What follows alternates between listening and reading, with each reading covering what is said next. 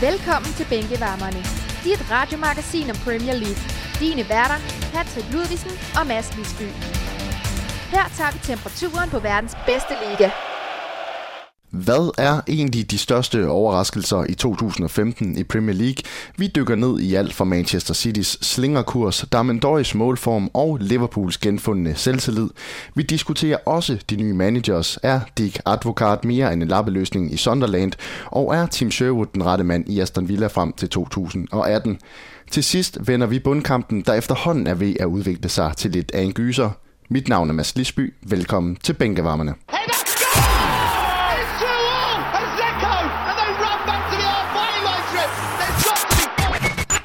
Så er vi tilbage i studiet efter en længere pause. Det skal vi naturligvis beklage. Der har været lidt andre arbejdsopgaver, og i sidste uge oplevede vi så uheldigvis tekniske problemer her i studiet, men det hele kører igen, og vi er tilbage ganske som vi plejer.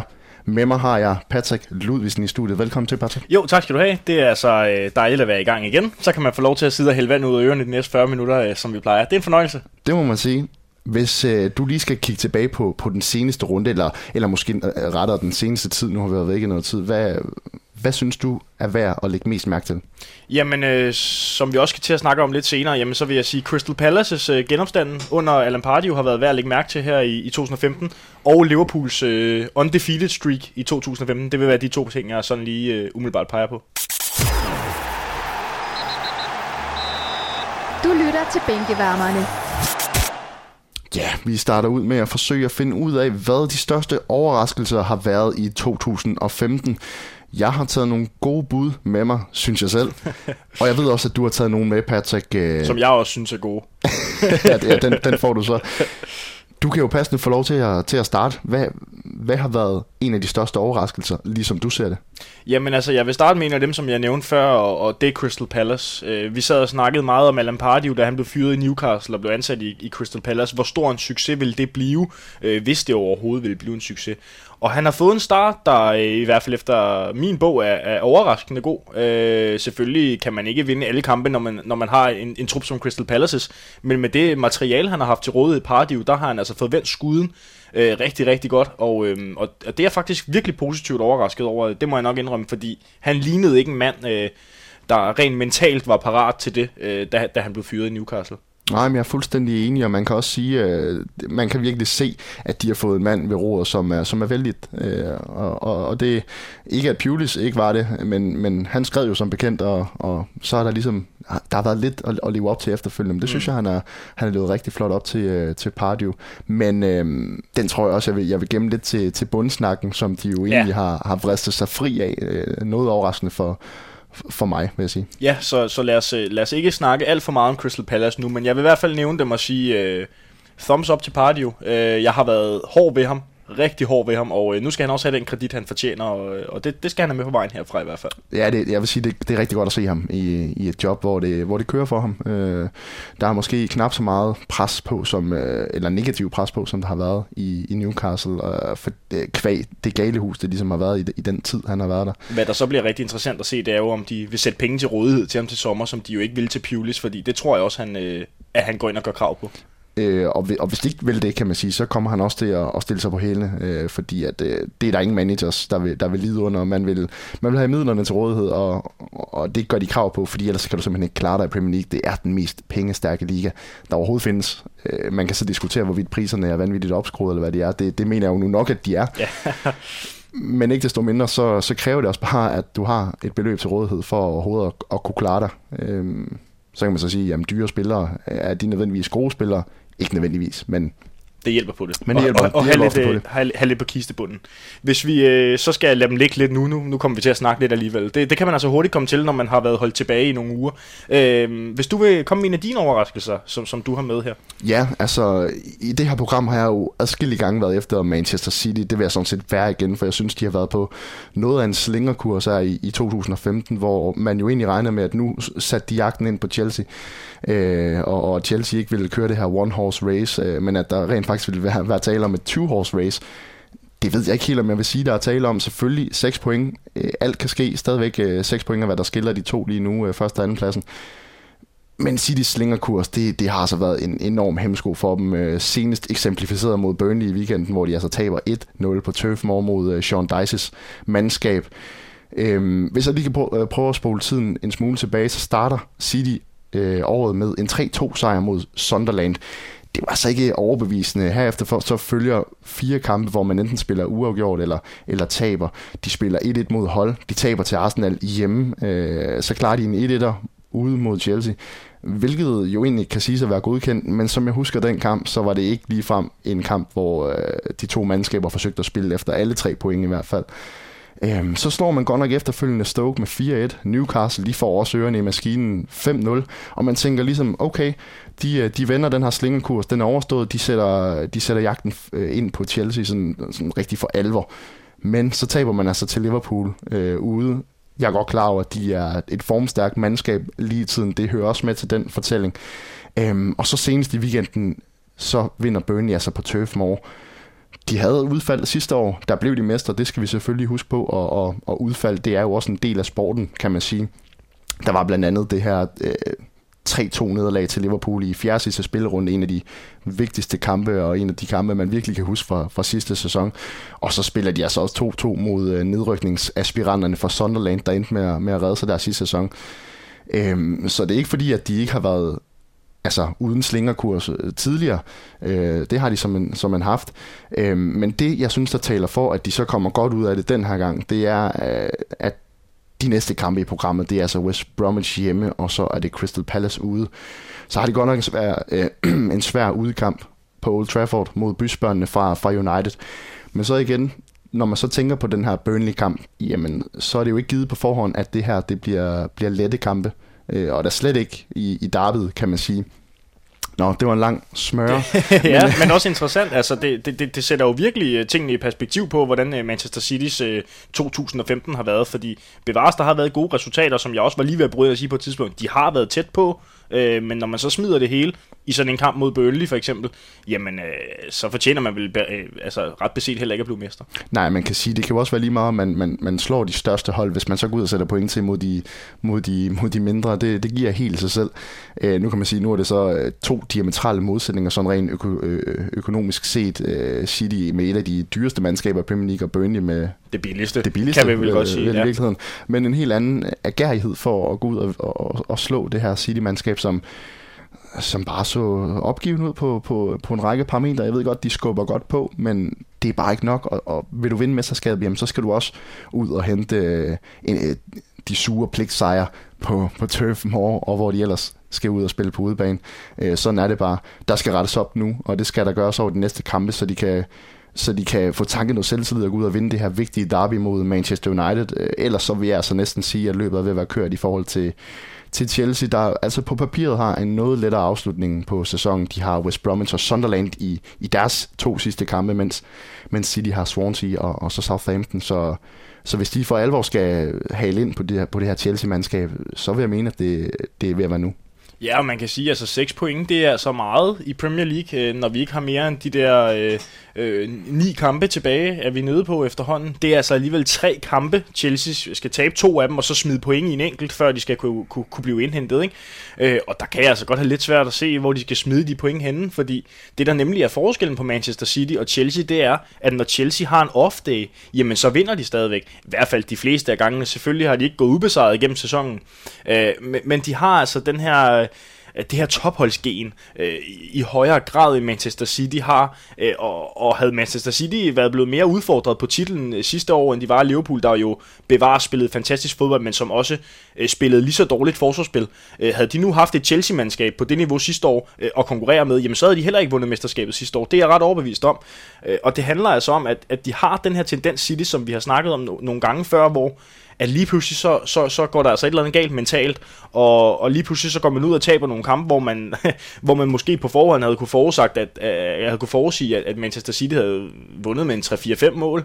Øh, det vil man jo normalt tro, når de møder et hold som Burnley, hvor der er så kolossal klasseforskel øh, på trupperne. Men der mangler bare noget mentalt øh, i City, og om det er spillerne, eller det peger tilbage på træneren, det er jo så en, en, en interessant debat at tage. Man må også bare sige, at Chelsea de har også bare sådan været bedre til at jonglere med, med flere turneringer. Øh, specielt øh, de europæiske også. Nu er de godt nok røget ud, øh, og det er rigtig ærgerligt for, for engelsk fodbold. Øh, det, det samme vil jeg næsten sige, at jeg spår City til at gøre i aften. Nu kan det være, at jeg kommer til at, at lyde rigtig dumt, øh, hvis nogen hører det her podcast senere. Det, City skal jo møde Barcelona, øh, Barcelona i aften. Men jeg, jeg, jeg kan simpelthen ikke se dem vinde det. Øhm, det jeg egentlig vil sige med det, det er, at Chelsea, nu har de ikke alle de her turneringer at, at se til mere. Det vil sige, at der kan komme fuld fokus på, på Premier League, øh, og, og, og så ved vi altså, at de er farlige. Det er også derfor, jeg mener, at hvis jagten den sådan for alvor skal sættes ind nu her, hvis vi skal have spændingen 100% tilbage i toppen af Premier League, så, så er det altså nu, der skal til at, til at ske noget. Ja, men det, det er jeg helt enig med dig i. Og, altså, en spiller som Jaja Touré, synes jeg jo er et godt symbol på, hvad der er sket med Manchester City i 2015, fordi det virker jo ikke som om, han er kommet hjem fra African Nations Cup endnu. Altså, øh, det er altså ikke meget, vi ser for ham, og det er en spiller, som jeg vil have smidt i top 5 over verdens bedste spiller i sidste sæson. Øh, det er han altså ikke i den her sæson her øh, overhovedet, og ikke i nærheden, synes jeg. En spiller som ham skal altså også tage noget mere ansvar på sådan et City-hold her, hvis man vil minde mesterskab. Og vi sad også og snakkede om det i starten af sæsonen, at, at måske er det i den her sæson, Manchester City, de, de, de altså, skulle ligesom have triumferet, og måske både have vundet Premier League, men også være kommet langt i Champions League, fordi det er altså et hold, der også er så småt på vej op i alderen. Øh, og det er jo ikke, øh, fordi de har 4-5 år tilbage, mange af de spillere, der løber rundt derinde. Øh, så, så, så det er altså et Manchester City-hold, som man også gerne vil have, øh, skal have noget international succes, og det er måske i virkeligheden det, som har smittet af på præstationerne, de svingende præstationer i ligaen i den her sæson, at man har haft øh, en, en stor fokus på at gøre det godt internationalt, øh, som man jo ikke har kunne gøre med Manchester City-holdet de sidste par år, hvor det har gået altså mildt skidt, og så også gjort det igen i år, ikke? Det er en fremragende pointe. Jeg synes lige, vi skal trække øh, en mund fuld luft ind, og så går vi videre med lidt flere overraskelser efterfølgende. There's Rooney. Overhead kick! Oh my word! That's amazing! That's sensational! I just can't believe what I've seen! Only Wayne Rooney can produce a piece of genius like that, and it could be the winner! Yes, og vi fik øh, trukket luft ind og smurt halsen, og øh, på den så er vi klar med endnu en overraskelse. Mads, du har en mere med til os? Ja, fordi altså sidste gang vi snakkede om den her fodboldspiller, det var i forbindelse med vores Transfer Deadline Special. Det er Damen Døj, vi skal til nu. Den 30-årige senegaleser og tidligere FC København-spiller. Han skiftede jo altså som bekendt fra russiske Lokomotiv Moskva i vinterens transfervindue. Og da vi sidst snakkede om ham i forbindelse med vores transferprogram, der var jeg meget tvivl om, hvor han lå hen niveaumæssigt. Indrømmet, jeg ser ikke specielt meget russisk fodbold. øh, det gør jeg stadigvæk ikke. Øh, men fysisk, der må vi bare konstatere, at han har altså været på pletten øh, fra starten. Han matcher hold, og han matcher Premier League, lige som jeg umiddelbart ser det. Han har så spillet seks kampe. Det har kastet tre mål af sig. En enkelt assist. Øh, han startede ud med at få 14 minutter mod, mod City, og han, øh, han spillede godt og vel fuld tid mod Aston Villa og Queen's Park Rangers, hvor han altså scorede i begge kampe. Og så var han også med til at sikre hold et enkelt point med sin scoring i 1-1-kampen mod Sunderland. Så jeg vil sige, man kan argumentere for, at han har fået sat et positivt præg på den her holdoffensiv, bare med sin fysiske tilstedeværelse, og så er han også god i boksen, lige så vel som han er god i, i dybden. Øh, jeg synes, det har været en, en positiv overraskelse at få ham til Premier League. Jamen, jeg synes egentlig, du rammer hovedet rimelig godt på sømmet, især i forhold til det der med, man vidste ikke rigtigt, hvor han stod henne. Altså, øh, 30 år gammel, og det seneste, vi har set til ham, det var, da han var god i FC København, men hvor langt var der fra det niveau øh, til, til, til nu, ikke? Og hvor var han henne nu? Og det har jo sådan set vist sig, at det virker som om, han faktisk er på, ja, endnu højere niveau, fordi nu går han jo direkte ind i Premier League og gør en, en forskel for hul. Øh, og jeg må da sige, jeg, jeg har da ramt ham på årtid de sidste par gange, han har scoret, så, så altså, men det, øh, og, det, og det er jo dejligt, det siger jo noget om, at, øh, at, at han har niveauet til at, at, at komme ind øh, og, og, og løfte den her huloffensiv og bidrage med noget ekstra, fordi meget af det hænger altså nu engang på Jelavic, øh, når han spiller, og hvis målene ikke lige flyder fra ham af, øh, så skal de komme et andet sted fra, og det lader som om, at øh, lader til, at Damien Døje, han er garant for at lave dem. Det må man sige, og jeg synes også, det er flot, at han går ind og har en, en umiddelbar impact øh, lige fra day one nærmest. Så, så helt klart en god signing for, for hold. Det synes jeg godt, vi kan konkludere her. Ja, hvad bliver det næsten to måneder efter transfervinduet er lukket? Ja, altså det ser i hvert fald umiddelbart sådan ud. Det bliver selvfølgelig også interessant at se, øh, om han kan øh, holde det. Altså fordi det plejer jo at være mit lod at sidde og bræge løs om, om kontinuitet her i programmet, og, og det anleder det her jo også til.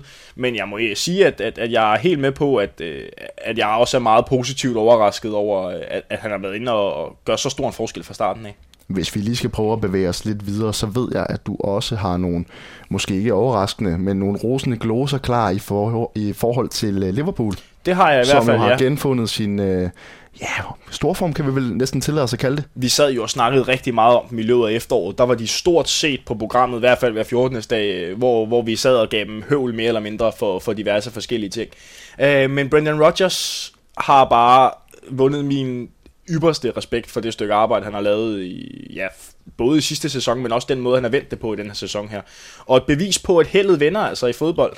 Øh, det handler også om marginalerne, og marginalerne er på Liverpools side for tiden. Øh, de opsøger det, de spiller godt. Øh, også de kampe, hvor de har svært ved at bryde igennem, jamen dem vinder de, som vi ser med Swansea i weekenden her. Der skal godt nok et heldigt mål til, men det er også det, der skal til, hvis man vil være med i toppen af Premier League.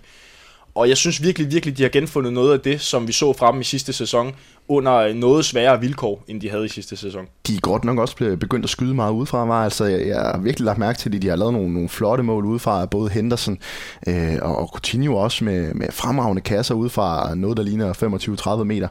Jeg tror du, det er noget, de sådan er gået ind og, og trænet på? Det, det virker næsten på den måde, synes jeg. Det tror jeg helt bestemt, øh, og jeg tror, det er en anerkendelse af, at man har haft svært ved at spille sig til chancer, i i den periode, hvor Daniel Sturridge har været skadet, fordi når han ikke har været med, øh, jamen så er det svært at producere noget offensivt, så har man ligget med, med, med Sterling op foran, som man har været afhængig af, han har kunne løbe dybt eller, eller drible sig frem til noget selv, men man har haft svært ved kollektivt at skabe de her helt åbne chancer her. Og det så vi også mod Swansea i weekenden, for eksempel, hvor den bliver taklet ind på Jordan Henderson, og han så ender med at score på den måde. Øh, det er, altså, det, det er et billede på, øh, at, det, at det er på vej, øh, en, en opadgående formkurve for Liverpool, at det er på vej i, til bedre tider, så at sige, og jeg tror altså på en stærk afslutning fra dem, øh, og det vil ikke undre mig, nu var Brendan Rodgers så ude og sige her i går, at, at han mente, at, at Liverpool de kan nappe andenpladsen endda, det bliver måske lige på grænsen, men jeg tror på Liverpool i top 3-4 nu. Det ja, men det er ikke urealistisk. Altså, det man kan det sige, øh, det eneste, det kræver, det er, at Manchester City de ikke øh, får holdt fast nu her.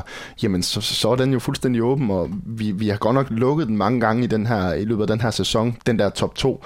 Men jeg er ikke så skråsikker, som jeg har været øh, mere. Øh, det ligger altså inden for rækkevidde. Liverpool de har spillet sig rigtig stærkt igen, og det bliver formentlig på bekostning af, af Manchester United også, som også lige ligger og banker på til noget øh, top 3 stykker.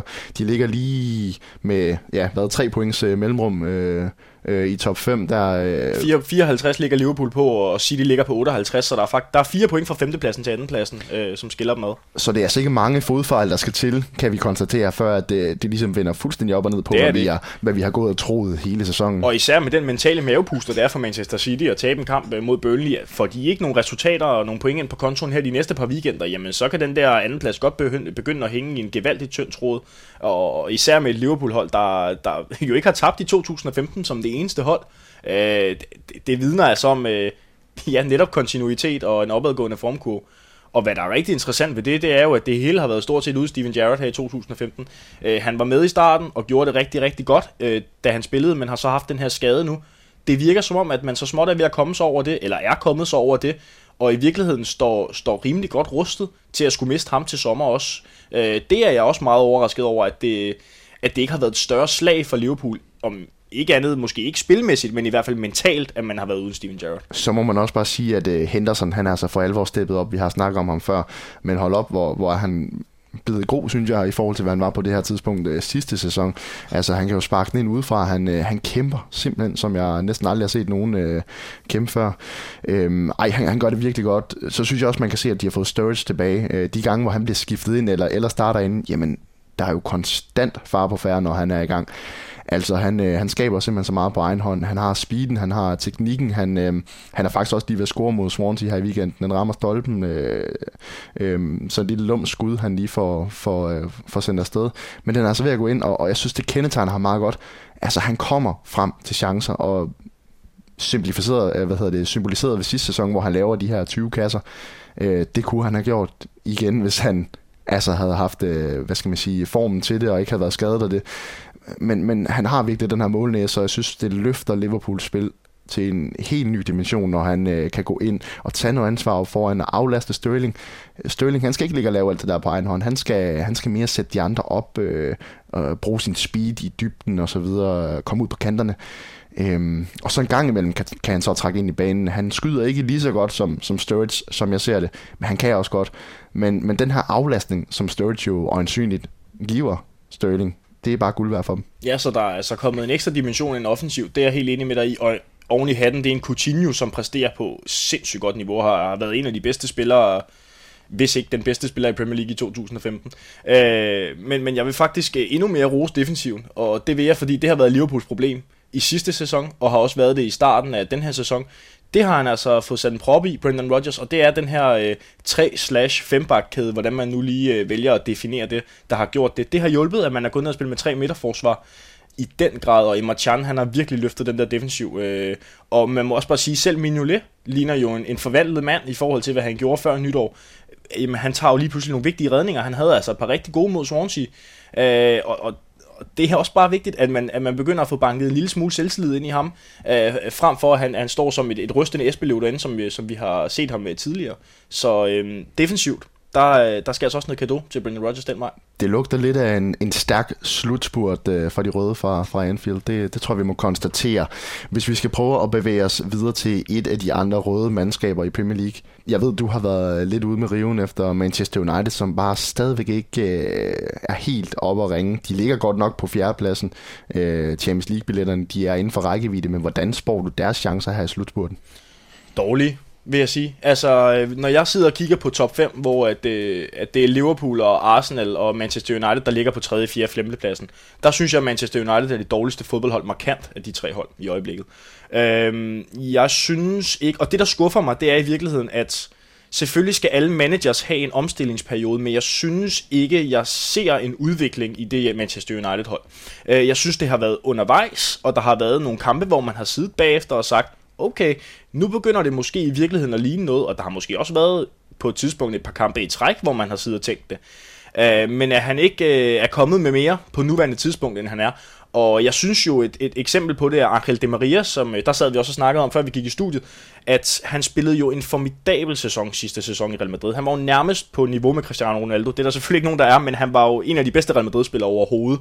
Uh, og han er faldet fuldstændig sammen nu her i Manchester United og jeg tror, det siger noget om, øh, hvordan det er at spille for Manchester United øh, i øjeblikket. Altså, øh, det kører ikke. Van Persie, han ligner en gammel slidt mand, og det, jeg synes, det hele det, det hænger på Wayne Rooney, som det ser ud lige i øjeblikket. Jeg vil godt lige knytte en kommentar til ham her, Angel Di Maria. Det er rigtigt, han havde en rigtig fantastisk sæson for Real Madrid i hans øh, sidste tid, og blev jo egentlig øh, kørt lidt ud på et tidsspor med, med det her øh, gigantiske køb af, hvad hedder han, øh, James Rodriguez, øh, der gjorde, at han ligesom blev nødt til at blive spillet, fordi han, han kostede så meget, som han gjorde. Det sendte så Di Maria til, til United. Jeg tror, en af grundene til, at Di Maria han fik så mange assists, som han gjorde i sidste sæson, det er fordi, der har, han har simpelthen spillet med nogen, der kunne putte den det sidste stykke i kassen du får altså ikke mange assist, når, når ham du afleverer bolden til, han, øh, han ikke rammer målet, eller, øh, eller misser, eller hvad ved jeg. Og, og der kan man jo bare sige, at Falcao og Van Persie, der har de altså ikke været der, hvor de skulle være. Øhm, og, og, og, og det smitter jo bare af, må man sige. Øh, at der så måske også er, er nogle andre faktorer, der spiller ind, såsom øh, kulturchok, øh, hvad ved jeg, altså øh, så mange argentiner er der altså heller ikke i engelsk fodbold. Altså jeg ved godt, at man kan nævne øh, Zabaleta og Demichelis og, og nogle andre, der, der har gjort det ganske fornuftigt. Men igen, altså der, der er altså bare kulturforskel på at spille i Spanien og så i England. Det, det er der bare slet ingen tvivl om. Så jeg tror, øh, det er der, vi skal lede efter nogle af forklaringerne. Øh, at det, han, er, han er fremragende individuelt set, men han har bare ikke kunne præstere, og det, øh, det er jo også et produkt af, hvordan kollektivet ligesom fungerer, fordi når man skal leve af assists og, og, og den slags, og sætte sine medspillere op, så nytter det jo ikke noget, når de ikke spiller på, på højt nok niveau. Jamen det øh, synes jeg også, at der er en rigtig god pointe i. Det jeg bare bider rigtig meget mærke i, når jeg ser både Angel Di Maria, men også generelt hele Manchester United-holdet, jamen det er indstillingen. Øhm, igen, øh, Rangel Di Maria Real Madrid sidste sæson, jamen han var jo en arbejdshest. Han løb jo øh, måske længst af alle spillerne. Altså, nu, nu sidder jeg ikke lige med sæsonstatistikken øh, over det, men det kunne jeg forestille mig, at han gjorde. Øh, og det synes jeg bare heller ikke, man ser så meget øh, fra ham i Manchester United. Der er ikke den samme offervillighed og den samme øh, aggressivitet, men det er også klart, går tingene dårligt, jamen så er det også meget sværere at ligge de der ekstra to kilometer øh, hen over en hel kamp øh, i de aggressive løb. Så, så det er jo selvfølgelig også ting, der følger, øh, følger hinanden men jeg synes også, at øh, Van Gaal har været for lidt tro imod sit koncept. Han skifter, skifter, skifter rundt. Øh, det nytter ikke noget. Jeg kan godt forstå, at man er nødt til at ændre ting, hvis de går dårligt, men man er også bare nogle gange nødt til at holde fast i dem, øh, når det går dårligt, fordi hvis man bliver ved med at skifte rundt, jamen så bringer det altså mere forvirring, end det bringer klarhed, hvis men du spørger mig. Det er bare et af de parametre, hvor Premier League er så sindssygt svær at, at have med at gøre, fordi der er så meget pres for lægterne. Og det er der bare. Altså, de er jo utilfredse, bare der er det mindste. Øh, og det tror jeg virkelig, Louis van Raal, han har, han har opdaget nu her. Han har jo forsøgt at implementere det her tremandsforsvar. Det han jo gået til og fra, som du siger, øh, som tiden er skrevet frem. Jeg tror, at det har noget at gøre med, med det pres, der kommer ud fra lægterne. De vil se, at der bliver scoret nogle mål, og de vil have, have action, og de vil have, de vil have så mange ting, og de vil have en turnaround lige nu. Øh, og der tror jeg bare, man må sige, der har han altså knækket lidt, Van Raal, øh, han, har, han har brugt hvad han brugt syv måneder, eller noget af den stil, på at implementere en, øh, en helt ny spillestil til det her Manchester United-hold. Og alligevel så ser man ham gå ud og, og gå på kompromis med det, som du siger, og egentlig stille op, som, som Ferguson ville gøre det, øh, for ligesom at please har man sådan lidt fornemmelsen af, at det får plise øh, tilskuere og tilhængere verden over. Ja, og apropos det her med, med kredsenhed på lægterne, så at sige, fordi det er jo det, det kommer ned til i, i, i, i sidste ende. Kan Manchester United og en klub af Manchester Uniteds karakter, øh, kan de acceptere, hvis der kommer en sæson mere af den her slags? Nu er sejlet det med Moyes sidste sæson, og der var træner ind og ud og så videre og så videre.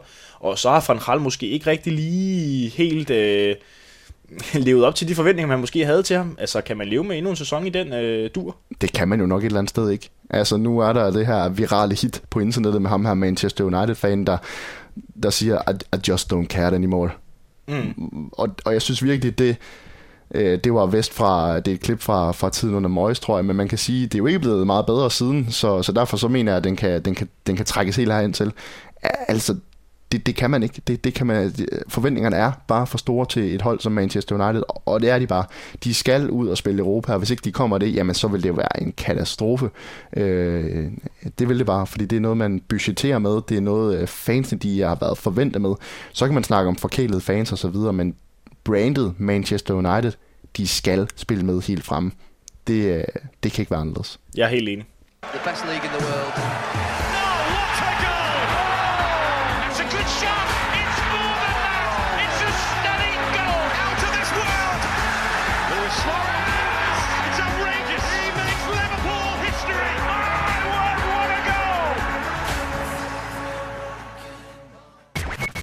Så er det blevet tid til at vende de nye managers i Premier League. Der har jo vanen tro været udskiftning på diverse trænerpositioner. Senest var det Gus Poirier, der må vige pladsen i Sunderland for hollandske Dick Advokat. Lad os starte den her, Patrick Sunderland med ny manager. 18 måneder i spidsen nåede han altså at få Gus Poirier, inden han efter 4-0 nederlaget på hjemmebane til Aston Villa blev fyret. Ja. Hvad siger vi til det hele? Dick Advokat ind. Det er jo en mand med noget af et CV. Ja, altså øh, på en meget kort kontrakt, kan man sige. Så, øh, så den er lidt svær, synes jeg, øh, men, men lad os snakke lidt om Gos Poirier, fordi øh, jeg kan godt se ideen i at fyre ham. Primært fordi man har haft nogle, nogle rimelig store fadæser i Sunderland hen over det her forår i særdeleshed. Altså, man taber blandt andet 8-0 til Southampton tidligere på sæsonen. og selvfølgelig skal det jo ikke munde ud i en fyring nu, men, men det er bestemt en af de ting, der har fyldt bæret kan man sige, før det så er flyttet over. Øh, og, og, og det er næsten det, der er det værste som fodboldspiller og som fodboldtræner. Det er, når du går ud og taber ansigt på den måde, som Tonderland har gjort i nogle situationer. Og når du simpelthen kan se på holdet, at der ikke er nogen kampgejst og indstilling. Øh, og det tyder jo på, at, at Gospoje måske har tabt omklædningsrummet en lille smule. Og hvis han har det, hvis det er tilfældet, og det er selvfølgelig kun gissninger, gætværk og rent hypotetisk osv., men hvis han har tabt omklædningsrummet, øh, så er en fyring øh, det eneste rigtige. Men når det så er sagt, så er jeg heller ikke sikker på, at en fyring sådan rent fodboldfagligt og for Sunderlands eget velbefindende er det rigtige, fordi jeg synes egentlig, at er en, er en rigtig, rigtig dygtig træner, og det kan godt virke meget, meget tomt at sidde og sige det, når man lige er blevet fyret i en klub som Sunderland og har haft så dårlige resultater i løbet af, af sæsonen. Øh, men, men det er også meget en procestræner, og det er en træner, der har en, en spillestil og en idé, der tager tid at implementere, og Sunderland er altså heller ikke øh, den nemmeste klub at være manager for. Men 18 måneder, Patrick, burde han så ikke have fået implementeret den her spillestil, og det, den her, det her mindset og den her filosofi burde det ikke køre, som det skulle på nuværende tidspunkt? Det burde i hvert fald øh, køre bedre, kan man sige. Øh, han lider måske lidt under, at det var så nemt for ham at overtage efter Di Canio, fordi det kunne jo nærmest kun gå bedre, kan man sige, efter Di Canio han, øh, han blev fyret. Så det lider han måske i virkeligheden lidt under, at han havde så god en start, øh, den her turnaround-effekt, som han lidt lavede Gos Poirier. Måske er det det. Mm, jo, selvfølgelig. Øh, man skal også være kritisk og sige, at, at der skal også noget produkt på, men et eller andet sted, så har jeg det også bare sådan, at hvad havde Sunderlands ledelse forventet? Altså havde de regnet med, at de ville ligge og kæmpe med i, i, i toppen, fordi de var ude at sige i forbindelse med fyringen, at, at man havde ikke gennemgået den udvikling, man håbede på, og, og man, og man lå og kæmpede med endnu en gang i den forkerte ende af tabellen, men altså, er det ikke også lidt naivt at tro, at Sunderland hører til andre steder end i den ende? Ja, jeg er fuldstændig enig. Altså, de, de har jo bevist sæson efter sæson, at de et eller andet sted hører til dernede. Altså, de har jo ikke gjort det bedre. Altså, de lå jo på 20. pladsen indtil, jeg ved ikke hvor sent sidste sæson. Øh, de havde godt nok tre kampe i hånden og, og kom den vej rundt tilbage. Øh, og kom lidt for, for bagkant, kan man sige.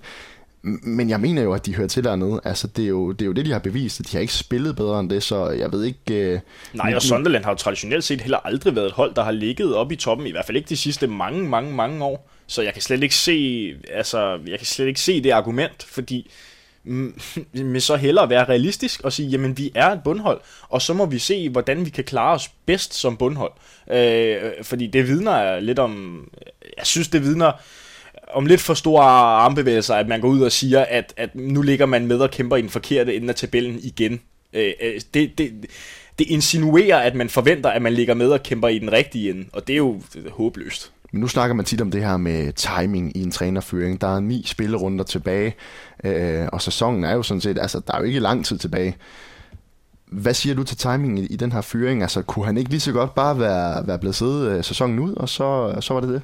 Jo, men altså, det kommer jo lidt an på, igen, hvad der ligger bag, fordi man kunne jo forestille sig, at, at Sunderland-ledelsen frygter, at det her 4-0-nederlag, som de så får til Aston Villa øh, i weekenden, som jo også er altså simpelthen et horribelt resultat.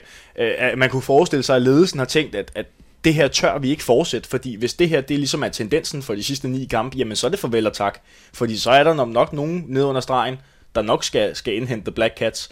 Øh, men jeg synes, øh, jeg, jeg synes som sagt, det er en svær diskussion, fordi jeg, jeg kan godt lide Gås på, jeg kan godt lide den måde, han, øh, han træner på, og jeg synes, der er perspektiv i ham. Øh, og jeg synes egentlig, at Sunderland havde lavet scoop ved at hente ham i første omgang. Øh, men, men hvis man har vurderet, at man tror, at, at det går i den forkerte ende, han har tabt omklædningsrummet, øh, og, og resultaterne går i den forkerte retning, jamen så forstår jeg godt timingen. Og så tror jeg også bare, at man må sige, at han også har tabt øh, publikum. Øh, det så vi jo eksemplificeret i weekenden, hvor han jo altså, øh, der er simpelthen er sure fans, rasende fans, der forsøger at komme ned i trænerboksen til ham, og simpelthen giver ham ind på lampen godt gammeldags slag på lampen, hvor de her stewards, de jo arbejder på højtryk for, for at holde de her sure tilskuere væk. Øhm, jeg lægger også mærke til, at efter 37 minutter, der begynder folk simpelthen at udvandre fra, fra Stadium of Light, fordi at de på det tidspunkt allerede er bagud 3-0. Øh, det gider de ikke at se på. Det, øh, så han har i den grad også tabt publikum, og som vi snakkede om før med, med de her fans øh, og fanral og så videre, det er jo tendensen i engelsk fodbold generelt. De har utrolig meget magt, og hvis de først er utilfredse, så er de svære at gøre tilfredse igen. Det tror jeg bare, vi må, vi må konstatere. Det fik også på altså at føle her. Og hvis der så samtidig er lidt, lidt vrøvl indad til, så har du altså summen af en, af en trænerfyring. Det, det vil jeg bare lige sige. Helt sikkert. Men, men, men jeg synes også i samme ombæring, at, at det skal jo heller ikke øh, være et rent forsvar af Poirier. Jeg synes heller ikke, at det er en klub som Sunderland værdigt øh, at gå ud og tabe 4-0 til Aston Villa på hjemmebane. Fordi at, hvad forbinder man Sunderland med? Jamen der forbinder man dem immer væk med fight, fuld knald på øh, og intensitet, øh, symboliseret ved en spiller som Lee Cattermole, der jo har været der i lang tid. Ikke? Øh, en spiller som John O'Shea, en spiller som Wes Brown. Jamen det er spillere, der måske ikke er verdens dygtigste fodboldspiller, men det er med spillere, der giver sig. Øh, og når man så går ud og taber 4-0, og tidligere på sæsonen har tabt 8-0 for eksempel, jamen, så forstår jeg også godt, at, at man ser det som et slag på klubbens stolthed. Det var lidt om uh, Gos Poirier. Lad os tale om den nye mand, Dick Advokat. Han kommer altså fra, fra det serbiske landshold senest og er nu i spidsen for The Black Cats sæsonen ud. Tre måneder. Lidt af en lappeløsning, det tror jeg da godt, vi kan konkludere. Kan vi ikke det? Jo, altså, når man hører navnet umiddelbart, så synes jeg ikke, det lyder som en lappeløsning. Men når man så ser på længden af kontrakten, jamen så gør det.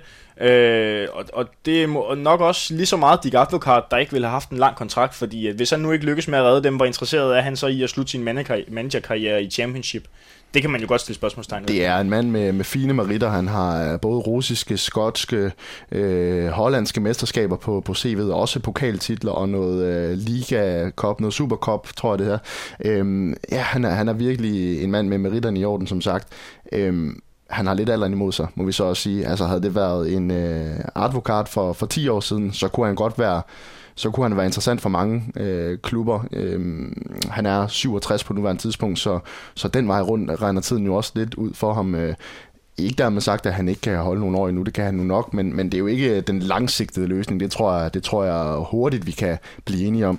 Men øhm, når det så er sagt, kan han så vende de spilmæssige misforståelser, Sunderland har haft her i det nye år? Kan han få det vendt i den sidste tid her?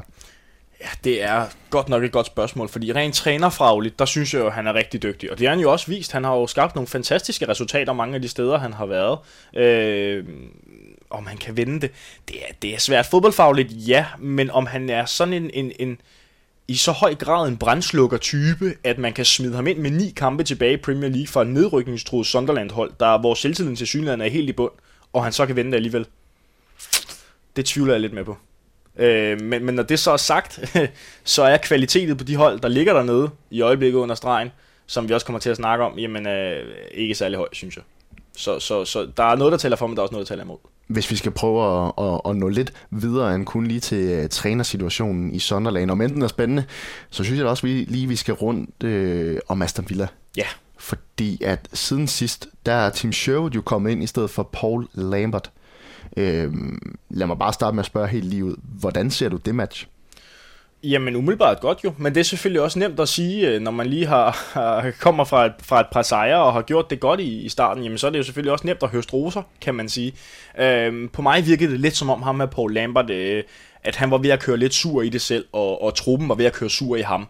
Øh, man har hørt nogle små historier rundt omkring af spillere, der måske synes, at han var lidt for meget af det gode gang imellem Paul Lambert, og... Øh, og jeg tror egentlig, det var på rette tid, at ham og Aston Villa, de, de ligesom skildes med hinanden, selvom han har opnået mange fine ting. Øh, så, så, men, men, men det bliver rigtig interessant med, øh, med Sherwood, fordi vi så ham jo lige i slutningen af sidste sæson, og hvis der er noget, han, han garanteret er god til, men så er det at komme ind i en klub på den her tidspunkt af sæsonen og, og, og skaffe nogle point, fordi Villa ligger jo også dernede omkring. Øh, så, så det tror jeg helt sikkert, at det, at det er positivt for Aston Villa i den her sæson. Hvad der så bliver interessant, og hvad jeg overhovedet ikke kan give et kvalificeret svar på, det er, hvor god er han så, når det kommer til at skulle bygge op. Jeg synes, han virker som en mand med mere overskud, end han havde i, i Tottenham. Det virker som om, han lige har været ude øh, i, i den her rumtid, og så lige øh, trukket luft ind, kommer ind nu igen, frisk syn på tingene, har måske også lært meget af sin tid i Tottenham, og så videre, kan, kan se tingene lidt i det store perspektiv. Jeg synes, han virker mere rolig i hans rolle som manager. Han, han havde jo lidt et spøjstry, da han var i, i Tottenham, det kan vi da vist godt hurtigt øh, sige jeg synes, han har, han har lagt det lidt til siden, men igen, han har jo heller ikke været sådan for alvor presset endnu, og forventningerne er måske heller ikke tårnhøje i Aston Villa, og men at de, de, skal, de skal i hvert fald ikke rykke ned. Øhm, jeg tror, det er det forventningspres, man ligesom må, må, må forvente. Øhm, så nej, altså han, han bliver jo ikke på den måde udfordret endnu. Han har, har fem kampe i spidsen indtil videre. Øh, tre sejre er det blevet til. Øh, så, så han har jo startet fint, det må vi bare sige. Men uden den fyring, så er jeg også sikker på, at, at Aston Villa havde haft endnu større problemer og havde været endnu tættere på at rykke ned, hvis de ikke øh, var gjort det. Så jeg tror, at den kommer netop apropos det her med timing, rigtig godt på et rigtig godt tidspunkt, øh, den her fyring her. Hvis man skulle gøre noget, så skulle det til at være der, fordi det så altså ikke godt ud for, øh, for Aston Villa. Og man må sige om Sherwood, nu snakkede du om hans tid i Tottenham i sidste sæson. Han minder også bare på mig sådan personlighedsmæssigt og typemæssigt som en manager, der passer bedre på et, et mindre hold end på et stort hold.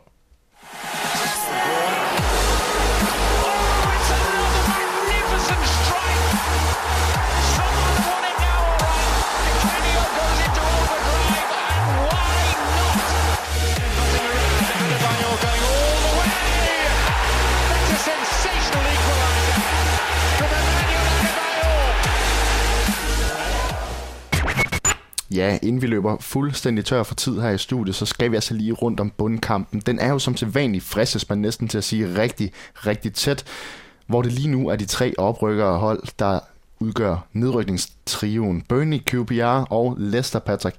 De ligger altså på de tre røde pladser, når jeg kigger her på tabellen. Hvad siger vi til det hele? Nedrykningskampen mere spændende end, øh, end topkampen, eller hvad? ja, altså nu er der jo meget god kamp om, øh, om alt efter førstepladsen, kan man sige, men den er da i hvert fald mere spændende end mesterskabskampen. Skal vi ikke sige det på den måde? Øh, og sådan synes jeg jo, ikke tit, men en gang imellem ender det jo med at være sådan. Øh, og det har sådan set også sin charme. Men jo meget forudsigeligt, kan man sige, hvis man skulle se på, hvad bookmakerne de gav igen i starten af sæsonen, at det er de tre hold, der ligger dernede. Øh, jeg er lidt overrasket over, hvor meget ned ad bakke det er gået for Leicester. Det må jeg nok indrømme. De fik en øh, fin start på sæsonen. De lignede også, synes jeg, før sæsonen, det hold, der havde bedst overlevelseschancer, da de kom op.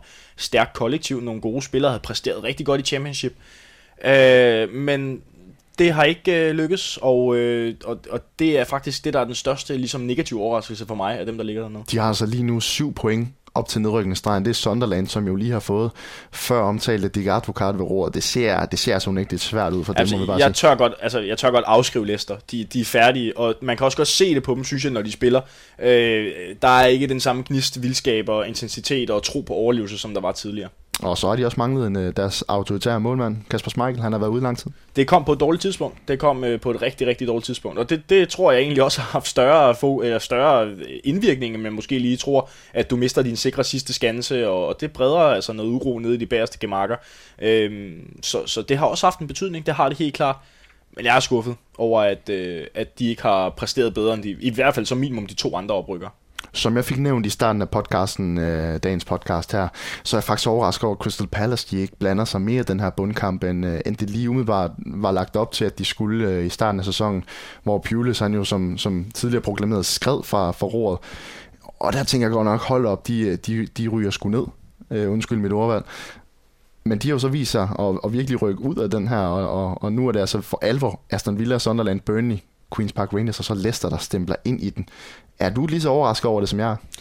Øh, det, ja, ja, både over vil jeg sige, fordi øh, da man ansatte Neil Warnock øh, i stedet for, og ligesom øh, kørte med ham i Crystal Palace i stedet for Pulis, jamen øh, der synes jeg også, det så skidt ud. Øh, det må jeg indrømme. Der synes jeg også, at det lignede et hold, der var på vej i den forkerte retning. Men lige så snart man kunne se Pardew tog over øh, og fik de første par kampe ind under huden, jamen der synes jeg, man har kunne se, at, at, at der har været en vej, og det har været fremad. Øh, simpelthen fordi det har frigjort det her øh, Crystal Palace hold så sindssygt meget.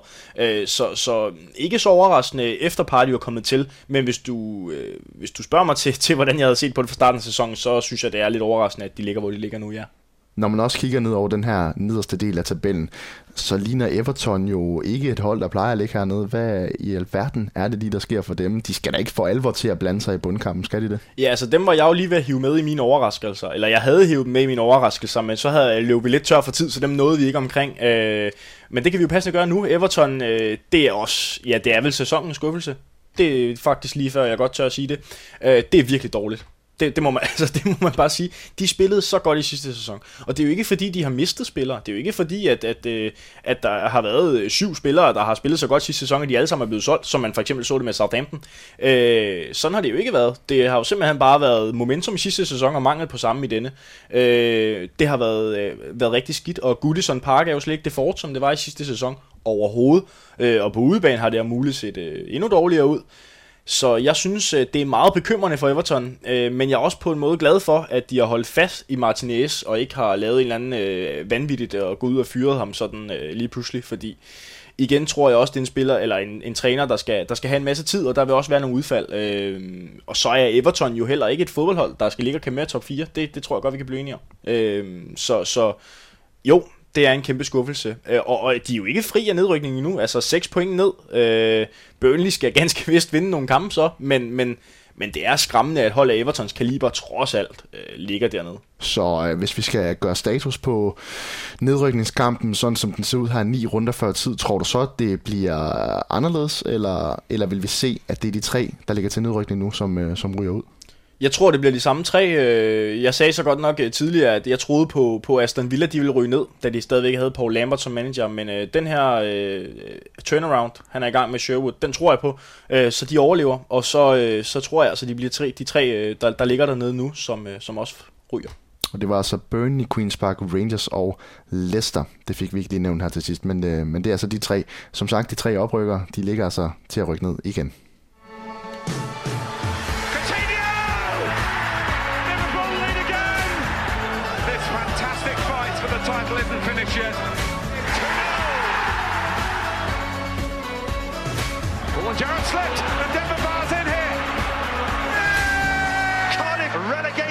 Relegated staring at the drop. The champions of 2014 are Manchester City. Vi ved, det har været enormt svært for jer de seneste par uger at vælge den helt rigtige kamp. Den ene kamp, I bare absolut skal se. Men frygt ikke derude, Tøffelhelte, for vi er tilbage. Her er Tøffelheltens tv-guide.